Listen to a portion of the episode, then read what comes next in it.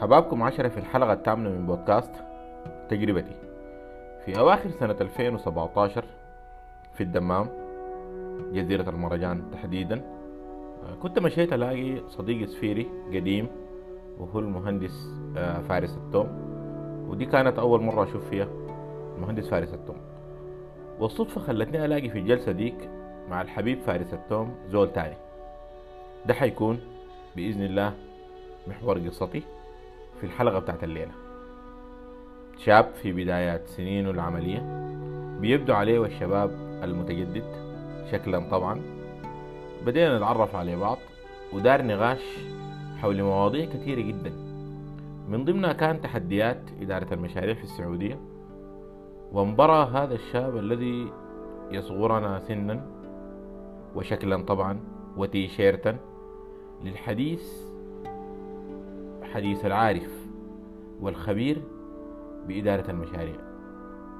استغربت صراحة وسألته خبرتك؟ لأنه الواضح لي أنه سنينه سنين خبرته صغيرة وقليلة. وفاجأني بأنه وقتها كان أقل من عشر سنوات. وحايز على عدد كبير جدا من الشهادات المهنية في إدارة المشاريع. ومصدر الشهادات دي كلها معهد إدارة المشاريع الأمريكي ال PMI المعروف. لدى الجميع.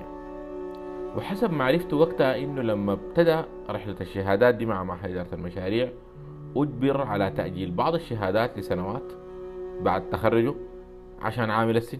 يعني معناه كان عنده استعداد إنه ياخذ الشهادات دي وهو في سنينه الأولى.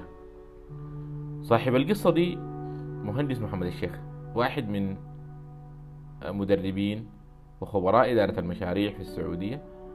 وهو الابن البار لشيخنا وحبيبنا في إدارة المشاريع المدرب العالمي المهندس أبو بكر سامي.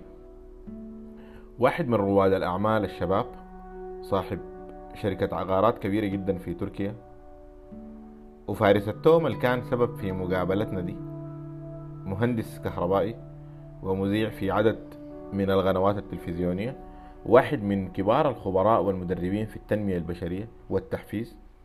و coach معتمد في منهجية ال ICF وذايع الصيت في الأوساط العربية المهتمة بالتنمية البشرية وتحفيز الذات. واحد من الناس المؤثرين جدا الآن في ال social media. الناس اللي حواليك في الغالب بيكون عندهم تأثير كبير جدا عليك. مهما بذلت من جهد في إنك ما تتأثر بهم. عشان كده اختار إنك تكون قريب جدا من الناس المحفزة صدقني حتتفاجأ بالأثر الإيجابي الكبير للحاجة دي. بالنسبة لي على مستواي الشخصي كان في أثر كبير جدا للنوع ده من المعارف.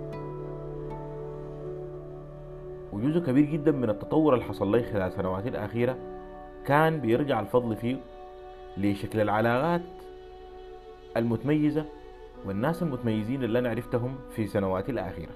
أتمناكم بخير دائما. مهندس أنور محمد اسم الله.